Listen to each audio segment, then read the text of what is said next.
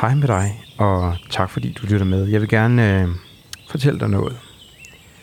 Jeg har skrevet et par linjer her. De går sådan her. Drømmen om at bidrage til en grøn og økologisk virkelighed voksede sig så stor, at Henrik og Tine en dag flyttede på næsten landet. IT-manden Henrik Wolf Nielsen købte et sæt gummistøvler, tog dem på, og tog det første spadestik til det, der fire år senere er Gammel Skovhavegårds Gardenmarked. På vejen fra køkkenhave til kæmpe køkkenhave stiftede Henrik foreningen Regenerativt Jordbrug og læste altså usandsynligt mange artikler og forskning om jord og jordforbedring. Så altså, historien for mit vedkommende starter sådan her. Du lytter til Dyrk og Spis. Jeg hedder Anders Guldberg. I fire år kondiløb jeg forbi Henriks køkkenhave. En køkkenhave, der bare voksede og voksede, indtil den dag, hvor jeg smed kondistøvlerne, tog et par gummirøjser på og en mikrofon under armen og bankede på deres dør for at få historien. En historie, du virkelig har lyst til at høre, hvis du som mig elsker at stikke fingrene i jorden. Så 1, 2, 3. Lad os komme i gang med dagens episode af Dyrk og Spis. sagt, så, så er jeg jo løbet forbi herude på grusstien rigtig mange morgener. Så hvis du har hørt sådan en, en mand, der trækker vejret lidt for meget, så er det bare mig, der har løbet forbi nogle morgener. ja. Fordi man hører ikke så meget andet herude. Altså, der er fugle, og der er marker, og, øh, og så alligevel er vi så tæt på København. Vi er jo i, i Kirke Værløse, eller Værløse. Du ligger lige midt imellem. Ja, Jamen altså, det var jo også øh, noget af det, der var helt unikt, da vi fandt det her fantastiske sted. At vi, vi føler jo både, at vi bor i byen og øh, på landet på ja. samme tid. Og hvor finder man lige det? Prøv lige at forklare øh, huset her, fordi det er jo Jamen, byen med stort i. Ja, altså det er jo et, øh, det er jo et bindingsværkshus med stråtag fra 1791. Det er jo en af de første gårde, der blev bygget herude uden for Kirkeværløs. Ja. Så vi er utrolig stolte over at kunne blive ved med at holde sådan et, øh, et stykke historie øh, ved lige og i live øh, og bruge det. Hvad er jeres historie? Hvornår fandt I det? Hvornår flyttede I hertil? Ja, men altså vi flyttede hertil, jeg tror, at det må være fem år siden øh, her til sommer. Mm. Øh, og vi valgte at flytte herud af, af, af, af simpelthen nogle værdimæssige årsager. Mm. Vi ville pleje vores personlige øh, sundhed. Vi ville bo i et, et miljø, hvor vi synes at vi havde det godt, og, og som vi følte var sundt. Øh, og vi ville, øh, vi ville bidrage positivt til klima. Så det husprojekt blev jo så bare til, til gårdprojekt. Vi har altid øh, spist økologi, og vi har altid gerne vil, vi har altid stillet spørgsmålstegn ved, jamen, den der måde, vi lever på i dag, den virker kortsigtet.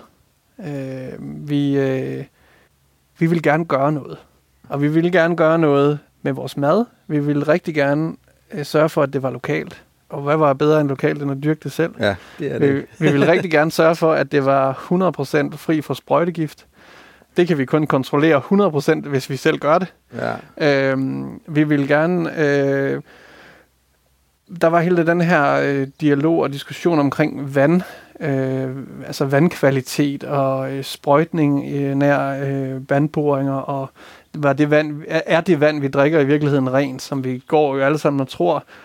Og det var nogle af de der ting, som sagde, jamen, vi har jo faktisk en have, der er relativt stor, og rundt om os ligger der marker. Øh, hvad kan vi gøre for at bidrage i den retning, som vi synes, at vi skal bevæge vores samfund i? Vi kan jo dyrke nogle grøntsager. Ja. Øhm, og så kom hele klimadebatten jo bravende ind over hovedet på os, nærmest imens vi var i gang med at anlægge de første bede. Så du gik øh, herude i gummistøvler og tænkte, jeg er jo faktisk lidt first mover herude på landet.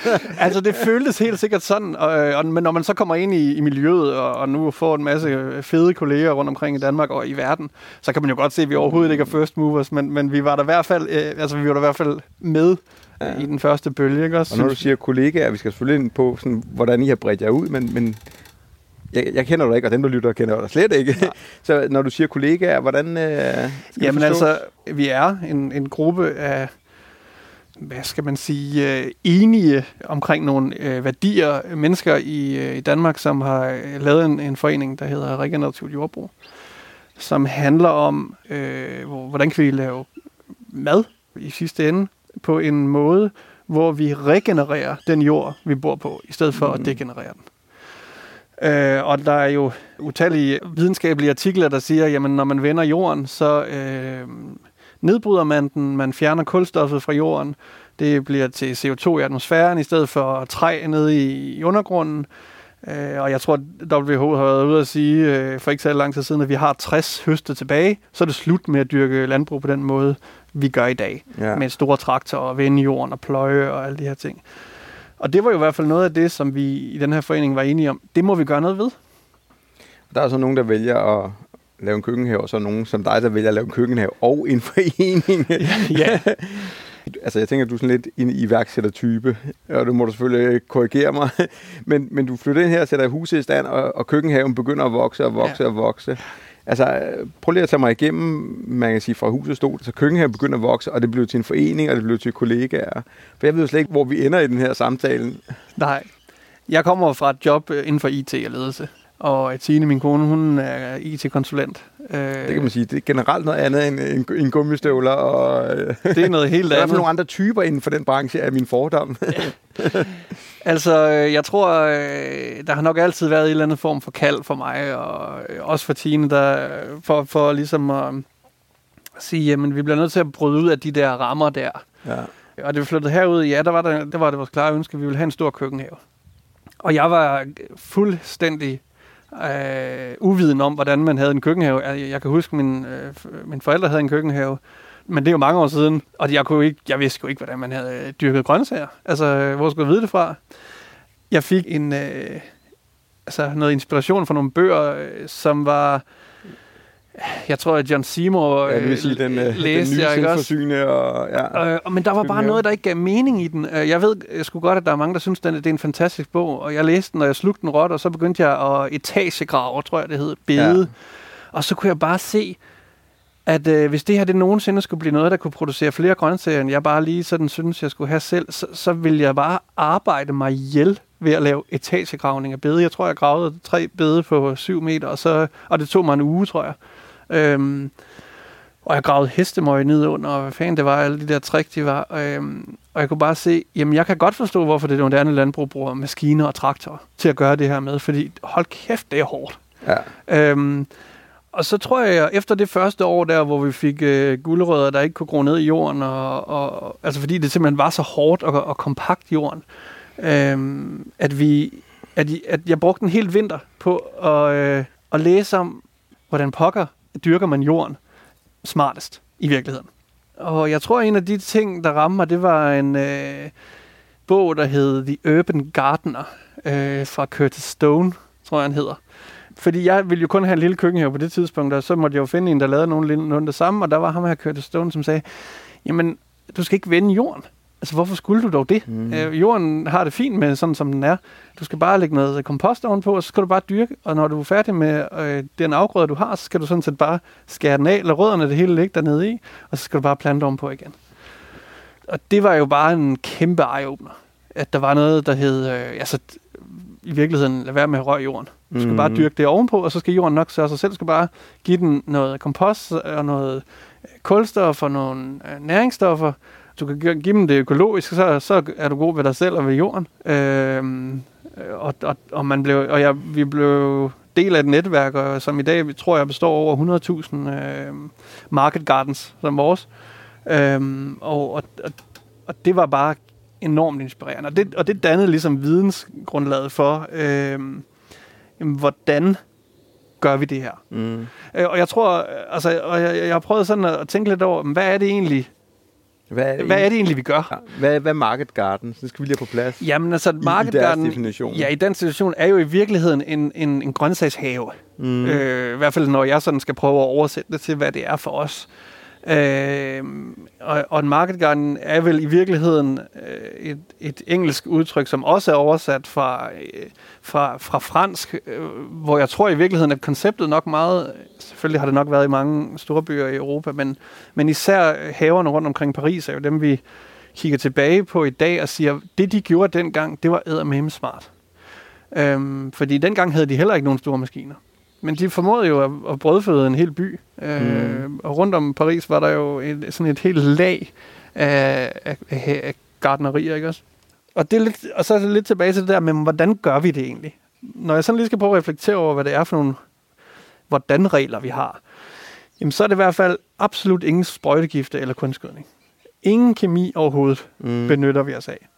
Vi bruger økologisk hønse, hønsemøg øh, fra en økologisk hønsegård. Hvor får I det fra? Er det, Jamen, jamen det, det er... altså, nu ved jeg godt, at I kan aftage meget, men, øh, men også vil- parcelhusen med matrikelejere. Ja, altså man kan købe det i, øh, i sæk, sækkeformat, ja, vil jeg tro, til almindelige haver. Altså vi køber jo paller ad gangen. ja. Øhm, jeg ved ikke rigtigt, hvordan man egentlig får fat i det. Nej. Jeg tror, jeg kunne forestille mig, at byggemarkedet har det, eller sådan, det ved jeg sgu ikke. Ellers må man selv skaffe høns. Ja, Det, præcis. kan, det må være en... Øh, Præcis, ja. Øhm, næste hovedregel, det er jo, at vi skal regenerere jorden, i stedet for at degenerere den. Og, og det er simpelthen det første regel, det der stop med at vende jorden. Ja. Der er ikke nogen grund til at vende jorden. Altså, det, kan vi jo, det kan vi jo bevise nu. Nu dyrker vi på tredje år, ikke også? Mm. Og, og de bede, vi har, der er ældst, de er simpelthen fantastiske at dyrke i.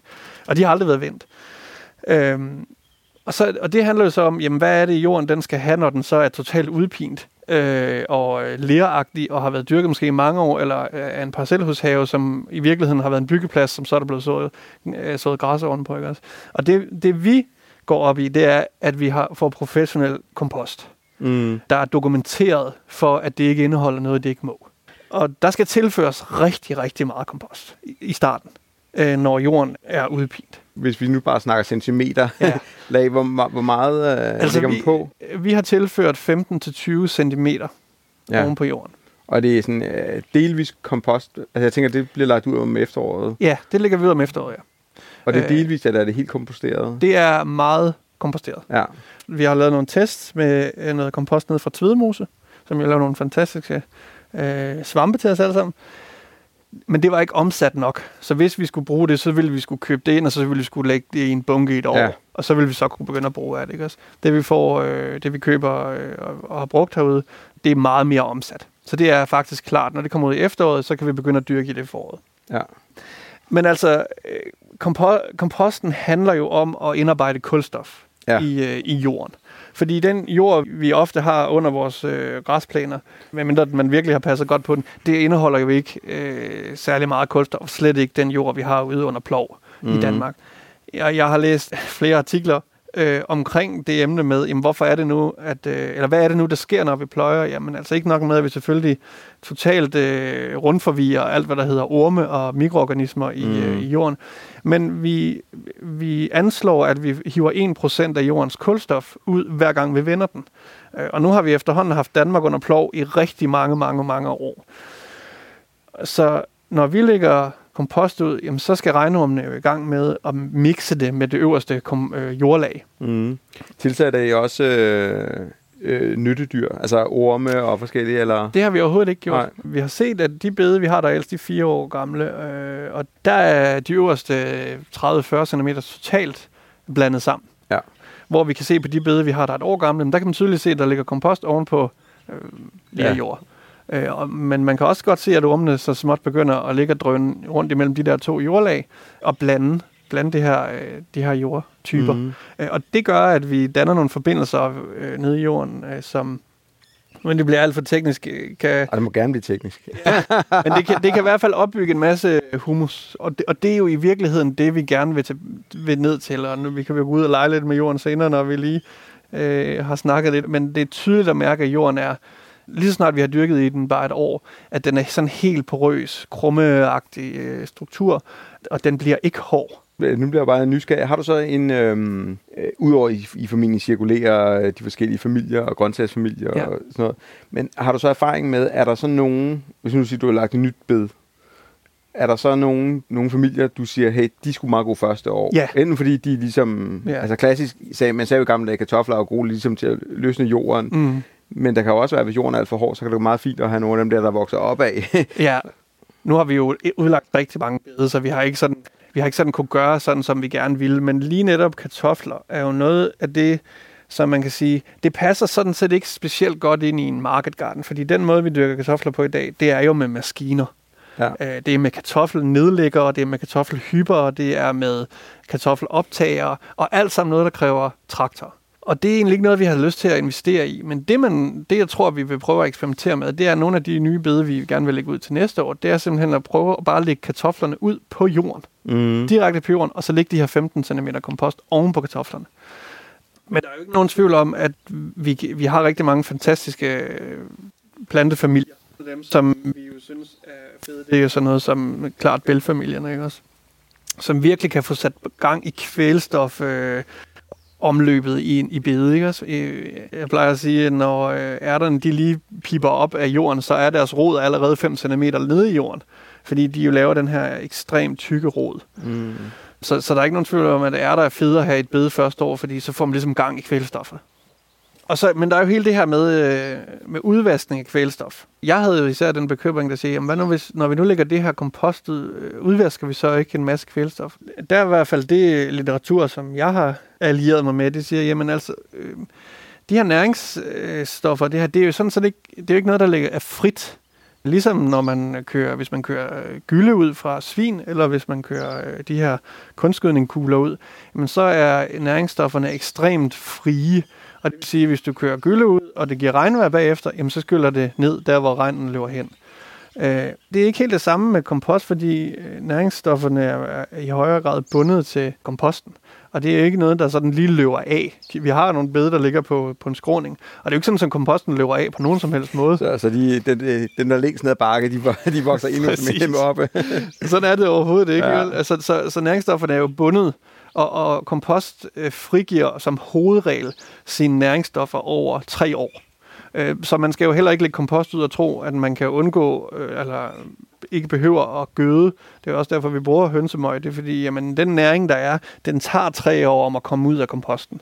Mm. Men det er også vores sikkerhed for, at den ikke skyller ud, kan man sige. At ja. den ikke løber ned i vandløb. Ja, fordi det er jo det, der var øh, palaver med på et tidspunkt. Nu snakker vi selvfølgelig landbrug. Det var, at øh, i hvert fald de første sådan, biodynamiske, økologiske landbrug, de puttede bare for meget mm. øh, kompost egentlig på deres marker, øh, fordi de havde svært ved at måle det, og det er nok en 5-10 år siden, jeg sad og læste om det, ikke? Mm. Men og det er formentlig kommet mere styr på det. Altså, hvor meget, hvor meget skal man bruge, ikke? Altså, der er rigtig meget forskning lige nu omkring øh, kompost, øh, fordi man begynder jo at... Og man kan sige, at kompost kan jo bestå af rigtig mange ting. Det kompost, vi bruger her, det består af, af blade og grene, øh, og der er ikke noget dyre produkt i det. Der er også mange, der laver kompost med øh, komøg, eller hønsemøg, eller hestemøg, og det vil selvfølgelig i højere grad have næring, end vores gør. Vores er, er mere en, øhm, et jorddækkelag, end det er et øh, næringslag. Ja. Næringen kommer fra hønsemøget. Mm. Øhm, men man fokuserer rigtig meget lige nu på det her med, jamen, hvordan kan vi bruge kompost? For kompost er jo en ressource, som vi har, øh, i og med, at vores samfund genererer kompost, fordi vi heldigvis komposterer det affald, vi har. Meget af det affald, vi har jeg ved ikke, om man kan kalde det et dilemma, men det er jo meget sjovt det her med, at at vi vil egentlig gerne holde det naturligt, men vi forsker også rigtig meget, og vi har jo nok en tendens til at måle rigtig meget. Okay, er det for meget eller for lidt? Og det giver selvfølgelig mening, men det er jo sådan lidt... Ja. den ene vej, det er jo sådan, ah, vi, vi vil gerne nørde og være teknologiske omkring det, og ja. jeg, jeg vil sikkert også ved med, når, når jeres, er I jo også styr på, hvor meget vand det får, og hvor meget næring det får, ikke? Helt sikkert. Og versus det der med, at... Øh, man smider et, et, et frø på jorden, og så sker der et eller andet. Ja. Jamen altså, der er jo ikke nogen, øh, der er ikke nogen tvivl om, at meget af, det, mange af, den, meget af den viden, vi forsker os til i dag, det er jo viden, der faktisk er glemt, mm. som vi i, dag, i moderne termer, så skal vi lave forskning. Øh, og det er jo fordi, vi skal selvfølgelig øh, på en eller anden måde objektivt finde ud af, hvad, hvad er det rigtigt og forkert, og det nytter ikke noget, at en ødelægger det for, for dem alle, så derfor så forsker vi i det og laver nogle øh, videnskabelige artikler, som vi så kan blive enige om, ja, det er fakta. Helt sikkert.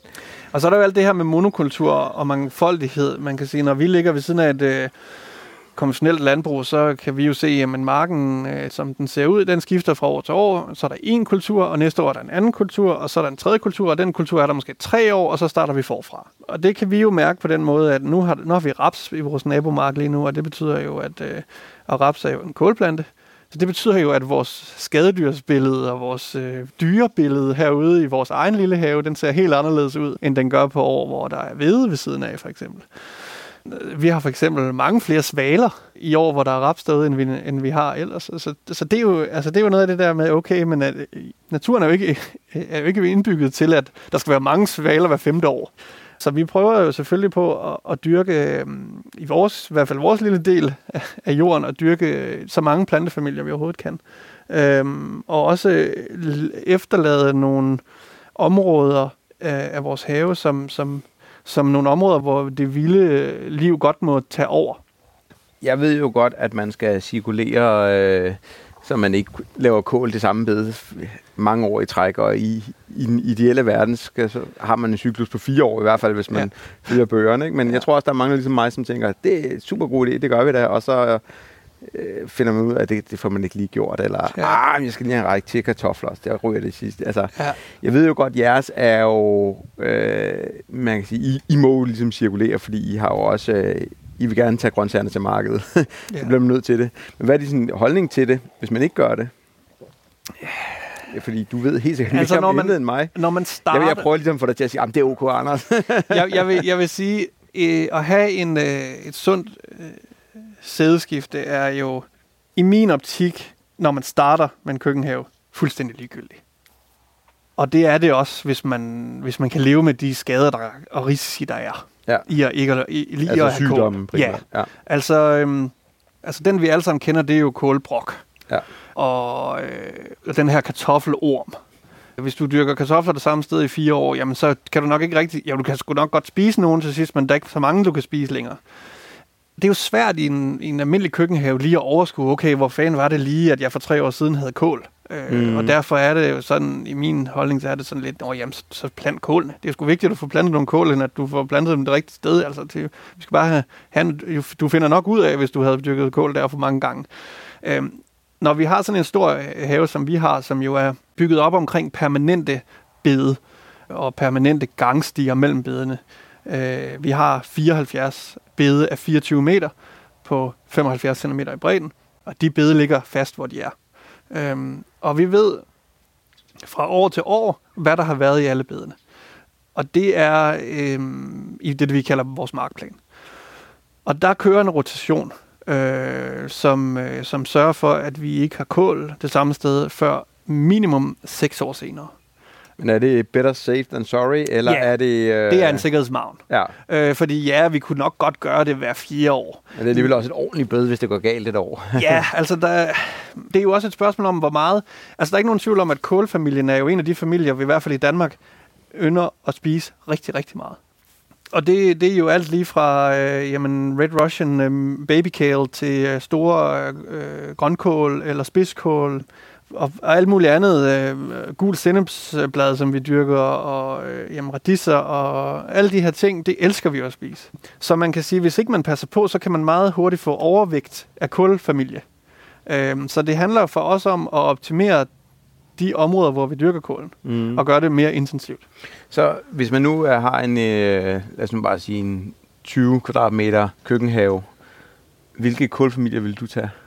Altså, dem man kan lide, det er lidt at svare. Det får du ikke lov til. altså, jeg vil helt sikkert sige, hold jer væk fra de fem kåltyper, der fylder meget. Øhm, man kan dyrke utrolig meget kål, hvis man sår det tæt og høster, det, høster bladene, øh, når de ikke er større end en hånd. Øhm, I det, som vi kalder babykål. Mm altså hvis man kigger ud fra et produktions- og et selvforsynende øh, ønske og udgangspunkt, jamen så kan man producere ufattelig mange kilo kål i forhold til, hvis man dyrker for eksempel rosenkål. Ja. Øh, eller hvis man dyrker øh, spidskål. Fordi de tager rigtig, rigtig lang tid om at dyrke. Man kan forhåbentlig starte dem i drivhuset. Øh, men de tager virkelig meget plads, og de tager rigtig, rigtig mange dage om at blive modne. Og det er jo en af de termer, som vi bruger her, hvor vi har sådan mere produktion, det er days to maturity. Og vi har nogle nøgletal, som vi kigger på. Det er det her med, jamen, hvor lang tid tager det før planten øh, at, blive, øh, at blive klar til at, at spise, og hvor mange enheder giver planten. Ja. Øh, og der er ikke nogen tvivl om, at rosenkål øh, smager fantastisk, og det kunne også godt være, at vi en dag kunne finde på at dyrke det. Men det tager rigtig meget plads, og det laver ikke særlig meget mad. Ja. Så det vil være 100 gange bedre at så et bed øh, med radiser end rosenkål så derfor så vil, hvis jeg skulle gå ud fra sådan et selvforsynende øh, perspektiv, så ville det være at producere den kål, der giver mest. Ja, og det er radiser og så bladkålen, eller hvad skal vi kalde Bladkål, ja. ja. Og, det, og der, du kan jo, man kan jo lave alle mulige lækre bladkål. Vi har, øh, tatsøj, som vi høster, når det er helt småt. Vi har Mizuna, som vi høster som, øh, som små blade. Vi har Red Russian Kale, som jeg synes i Danmark er en totalt undervurderet kål. Den er helt vildt fantastisk at spise. Øhm, vi har gul sennep, som vi synes er en fantastisk babykål. Øhm, så der er jo en masse kåltyper, som faktisk befinder sig rigtig godt i at blive høstet, øh, når de ikke er højere end 10 cm, og måske kun har fået en eller to blade. Fordi så kommer de bare igen. Mm. Øh, og det vil de sådan set blive ved med at gøre, stort set indtil du synes, at bladene de bliver lidt for nusset.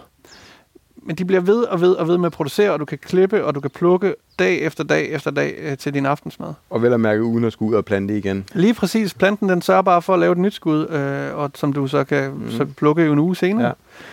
Altså, jeg får lidt lyst til at gå ud og sparke til noget jord, og så gå en Jamen. tur. Vi har jo de trådløse mikrofoner på. Ja, nu lad os gøre det. Vil det ikke være en, øh, en god idé? Det synes jeg. Altså, det er jo ligegyldigt for dem, der sidder og lytter med, men... Øh, med ja, men altså, lad os gå ud og kigge på det. det er jo, der er jo noget over det der med at kunne, kunne se på det.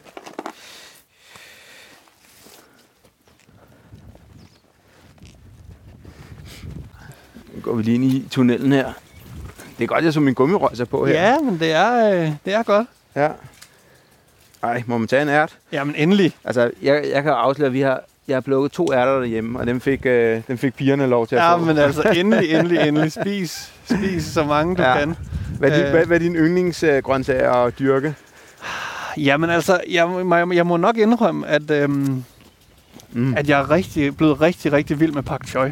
Ja. Jeg synes simpelthen, det er en fantastisk producerende grøntsag, som, øh, som bare giver og giver, øh, og som ikke er særlig kredsen. Den behøver ikke særlig meget næring, den behøver ikke særlig meget varme. Øh, Hvordan dyrker man den? Jamen, vi forspirer den, ligesom vi stort set gør med alt. Ja. Og så øh, planter vi den ud i tidlig forår, og så vokser den bare, øh, uden at tage sig særlig ud, og så producerer den bare helt fantastiske ja. øh, hoveder. Er det sådan en, der skal under net, eller, eller altså, har I den bare frit? Den skal under net, for ellers så bliver den simpelthen øh, spist op af fleabeetles. Så, øh, altså, ja. ja som elsker bladene. Men man, man kan sagtens spise pak choi, selvom, selvom bladene er, er blevet spist af fleabeetles, fordi det er jo, jeg synes i hvert fald, det lækreste ved pak choi, det er ligesom stænglen dernede, ikke? også under mm. bladet. Og den gider de ikke rigtig spise af. Altså, der er ikke nogen tvivl om, jeg også rigtig godt kan lide at dyrke øh, forårsløg. Ja, det kan man øh, se. Ja. jeg synes, forårsløg er en helt fantastisk øh, delikat spise, og så, så elsker jeg bare at dyrke den. Ja.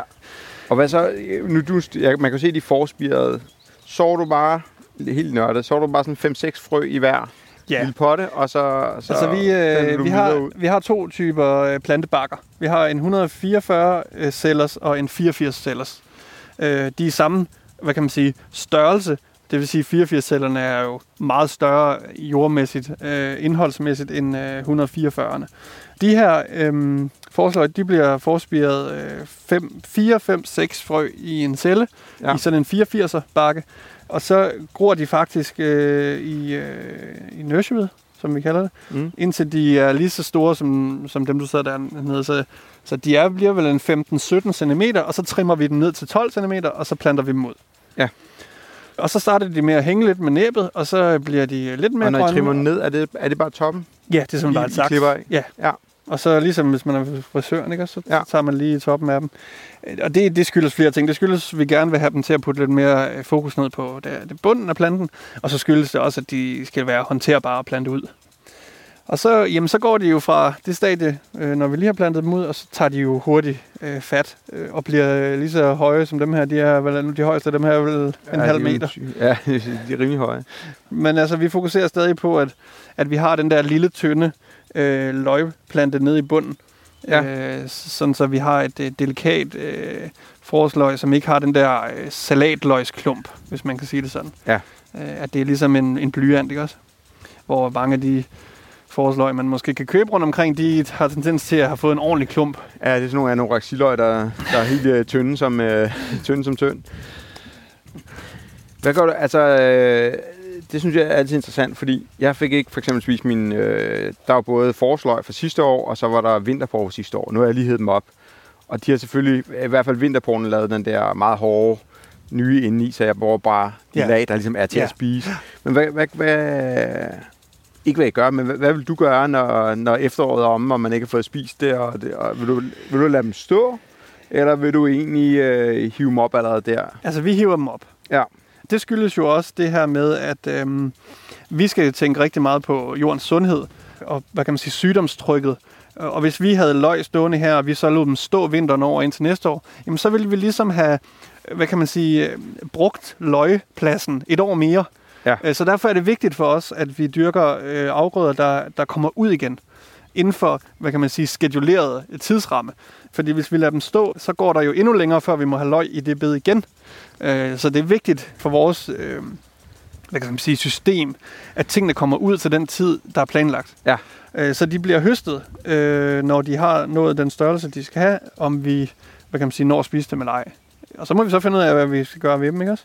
Ja. Vi er så heldige i år øh, for, for første gang at arbejde sammen med det, der hedder Grim, som laver grøntsagskasser ind i København af, hvad kan man sige, ja, grimme grøntsager. Øh, og og det, det har været sindssygt inspirerende at prøve at arbejde sammen med dem. Ja. Og det synes vi er vildt fedt, fordi i gamle dage ville vi jo bare have høstet dem og smidt dem på komposten. Og det er jo sig selv ikke dårligt, fordi man kan sige, de går jo ikke til spilde, og det bliver de bare til ny jord. Ja. Men, øh, men nu er der jo nogen, der i hvert fald får noget ud af det arbejde, vi har lagt i det. Hvem, hvem leverer I ellers til? Jamen, øh, man kan jo handle vores varer i menu, Ja. øh, og det er så den menu, der ligger heroppe. Den lokale, ja. ja. Og så, Vi er faktisk øh, rigtig gode til i det hele taget at hive lokale producenter ind, om det er... Altså, de har fra starten gerne ville os. Ja, Øh, det var faktisk det aller, aller første sted, vi solgte vores produkt. Så har vi øh, lige genstartet Kvickly i Farm, som øh, også øh, køber vores produkt. Og så, ja, det, er- det, er, jo- det er de supermarkeder, vi har lige nu. Vi, for år tilbage, der havde vi fire supermarkeder. Der havde vi en menu mere og en superbrusen mere, men der er rigtig meget arbejde i at pakke øh, og sætte labels på. Og i virkeligheden så er vores øh, klare mål, at vi kommer væk fra brugen af plastik. Øh, jeg tror, at hvis vi havde mulighed for at afsætte alt direkte, så ville vi faktisk gøre det. Øh, men i år har vi jo så set en coronakrise, hvor der er jo i hvert fald ikke særlig mange restauranter eller kantiner, der køber vores ting. Så der har vi simpelthen bare været presset til, for ikke at skulle smide det hele ud, og, og, og kigge i de øh, afsætningskanaler, der desværre bruger engangsplast. Ja. Selvom vi er klart er imod det. ja. Ej, det Øh. Hvad, så- hvad, hvad er drømmen på, på den lange bane? I, været, I er jo forholdsvis nye. Ja, altså, vi er tre meget år, nye. ikke? Meget nye. Og Så vi der skal, lærer læ- der skal læres en masse. helt sikkert. Jamen altså, vi vil allerhelst afsætte direkte til private øh, og til restauranter øh, og kantiner. Og vi har heldigvis nogle restauranter, der er begyndt at komme, øh, komme, komme hul i. Men øh, er der sådan nogle nye ting, du... Og ellers er det jo, der er jo ærter, og ja, vi har været inde på noget af det, bønder og sådan noget, ikke? Er der sådan nogle øh, ting, du tænker, at det skal vi prøve næste år eller næste år igen? Eller Masser. sådan noget? Masser. Altså, der er ikke noget federe end at, at dyrke noget, man ikke har prøvet at dyrke før. Og, og, og, og i år har vi ligesom, da vi lavede markplanen for i år, den laver man jo om, i juleferien faktisk nærmest, øh, synes jeg nu, normalt, jeg sidder og laver den.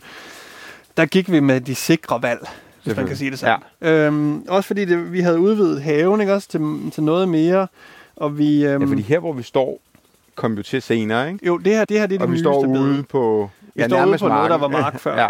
som vi har omlagt. Og det, vil- det, var- der handlede det lige om at, at konsolidere os og finde ud af, kan vi finde ud af at producere i den størrelse på det antal bede, og så vælger vi nogle, øh, nogle sorter og nogle, nogle, nogle afgrøder, vi kender, Ja. øh, uden at eksperimentere alt for vildt. Men det skal vi helt sikkert, altså det gør vi også løbende, og, og, og plukker ting på et tidspunkt, hvor de normalt ikke skulle plukkes, og, og lade dem blive øh, meget mere moden, end vi normalt ville lade dem blive. Øh, der er jo for eksempel sådan noget som øh, pak choi skud. Altså når pak choi'en den går i stok, jamen, så kommer der sådan en helt fantastisk skud op af den, som simpelthen er så lækkert. Ja. Det kan vi godt lide og sådan noget. Udfordre.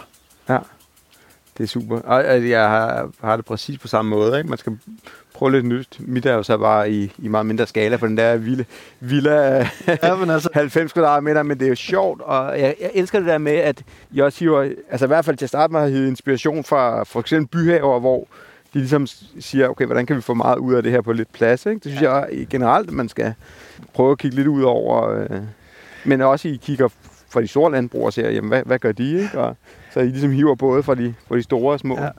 Altså jeg vil anbefale alle at øh, køkkenhave eller større og øh, etablere permanente bed. Også permanente højbed, Ja. som vi har gjort her. Det er øh, en game changer, øh, synes jeg i hvert fald. At man går de samme steder år efter år, og at man øh, dyrker de samme steder år efter år, og at man ikke går oven i det, man dyrker i. Altså første regel, øh, når man kommer herud til os, det er, man må, altså bedene må ikke trædes på. Jeg er så glad for, at jeg ikke spurgte, om vi lige skulle gå op igennem. man må godt gå op imellem bedene, ja. men, men selve dyrkningsarealet øh, og bedearealet, det er øh, altså forbudt at gå i. Der er ja. kun planter, der må, der må være der. Det lyder som om, I er på rette vej i hvert fald, vil jeg sige. Vi, er, i vi, hvert fald, vi gør i hvert fald, hvad vi kan. Det er i hvert fald en fornøjelse at komme, øh, komme ind og se, og, øh, og, og nogen, der har taget drømmen lige skridtet videre end, øh, end, end mange andre i hvert fald. Ja, og det ikke, har vi nok. Og ikke andet, så, så på den baggrund har jeg i hvert fald fortjent at lykkes med det i hvert fald. Tak fordi at øh, tak for rundvisningen og tak for snakken Jamen, om øh, om, om jord og om øh, om de trin, I har taget. Ja, så lidt. Tak for din tid. Episoden er slut, og de sidste af Henriks tøm marken poser er solgt. Coronaen ramte Gamle Skovhave går hårdt, men jeg er sikker på, at næste år, når svalerne kvidrende flyver over Henriks køkkenhaver, vil der igen strutte af grøntsager. Jeg hedder Anders Guldberg, og du har lyttet til Dyrk og Spis, og er du nået hertil, så håber jeg, at du vil tage dig tid til at vurdere podcasten der, hvor du end lytter. Og fortæller måske om podcasten i diverse Facebook-grupper, så flokken af plantenørder, der lytter med, vokser og spiger. Link til Gammel Skovhavegård og til alt muligt andet finder du i episodebeskrivelsen, så ved du det. Jeg håber også, du vil sige hej inde på Facebook, hvor Dyrk og Spis huserer. Vi lyttes ved. Ha' en fantastisk god dag, og nyd livet.